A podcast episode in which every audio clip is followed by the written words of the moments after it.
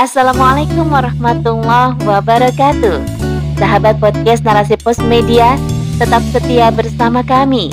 Kali ini saya Yeni akan menemani Anda dalam rubrik surat pembaca yang berjudul Kapitalisme Biang Kerok Naiknya Harga Bahan Pokok oleh Ana Nazaha.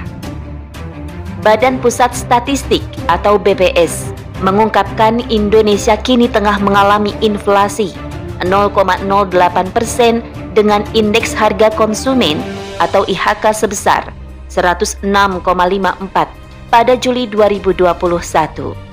Dan hal ini disenyalir akibat kelangkaan pasokan pangan selama PPKM yang menyebabkan kenaikan harga. Berdasarkan data Pusat Informasi Harga Pangan Strategis atau PIHPS, harga bahan pangan yang naik di antaranya bawang merah naik 7,69 persen, bawang putih naik 6,85 persen, cabai rawit merah naik 4,52 persen. Selain itu, bahan pokok seperti gula pasir 1,9 persen, beras 1,98 persen, daging sapi 1,29 persen, telur ayam 3,05 persen, dan minyak goreng 3,4 persen. Kenaikan harga barang pokok ada atau tidak adanya pandemi bukanlah fenomena baru di negeri ini. Setiap pergantian tahun atau menjelang hari besar agama, kenaikan harga pangan selalu saja terjadi. Seharusnya masalah yang terus berulang ini membuat negara siap mengantisipasi, yakni dengan menciptakan ketahanan pangan dan distribusi yang merata. Sayangnya, setiap pergantian tahun kenaikan harga pangan selalu saja terjadi, membuktikan negara telah gagal mewujudkan ketahanan pangan dan memenuhi kebutuhan rakyatnya. Hal ini diakibatkan karena negara mengadopsi sistem ekonomi kapitalis yang menjamin liberalisasi di sektor pangan dan perindustrian oleh korporasi. Akibatnya distribusi pangan tidak merata karena diserahkan pada mekanisme pasar yang hanya menguntungkan para kapital. Distribusi yang tidak merata berimbas pada kesenjangan harga yang menyebabkan inflasi. Dan inilah biang kerok harga pangan naik akibat sistem kapitalis Hal ini berbeda dengan sistem ekonomi Islam.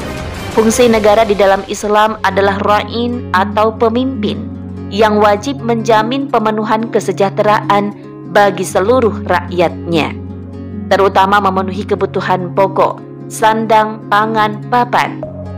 Terlebih di masa pandemi, di saat ekonomi rakyat terguncang, negara harus tampil terdepan dalam menjamin terpenuhinya kebutuhan rakyat.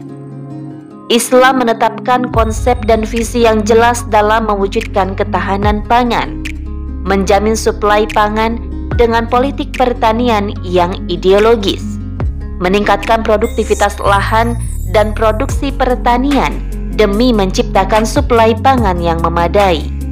Hal ini akan didukung dengan aktivitas pengembangan industri pertanian, membekali skill petani, dan menyediakan modal untuk pertanian. Selain itu, negara juga wajib mengawasi distribusi barang, menjamin seluruh rakyat Indonesia terpenuhi semua kebutuhan dasarnya, bukan hanya kebutuhan pokok. Sistem ekonomi Islam bahkan menjamin bagi seluruh rakyat untuk dapat meraih pemenuhan kebutuhan dan hak-haknya sebagai warga negara, termasuk dalam menyediakan lapangan kerja dan modal untuk pengembangan usaha demi kemajuan ekonomi bangsa. Tentu saja Islam mampu menjalankan berbagai program tersebut secara mandiri, tak perlu utang dan dana investasi ribawi, apalagi dengan cara meliberalisasi sektor pangan.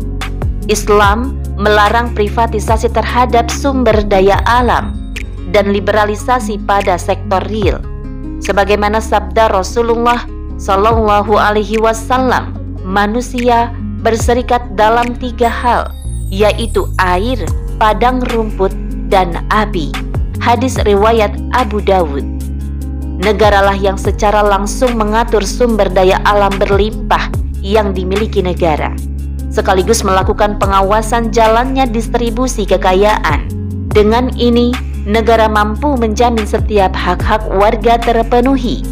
Dengan pembagian kepemilikan ekonomi secara benar inilah akan menjamin APBN negara tetap stabil. Meskipun di tengah musibah pandemi, maka telah jelas bagi kita berbagai kemalut bangsa ini adalah buah dari bobroknya penerapan sistem kapitalis. Karenanya, mari kita wujudkan kesadaran politis, menyeru rakyat bangsa ini agar meninggalkan sistem sekuler ini, lalu kembali kepada syariat Allah Subhanahu wa Ta'ala demi terciptanya rahmatan للعالمين.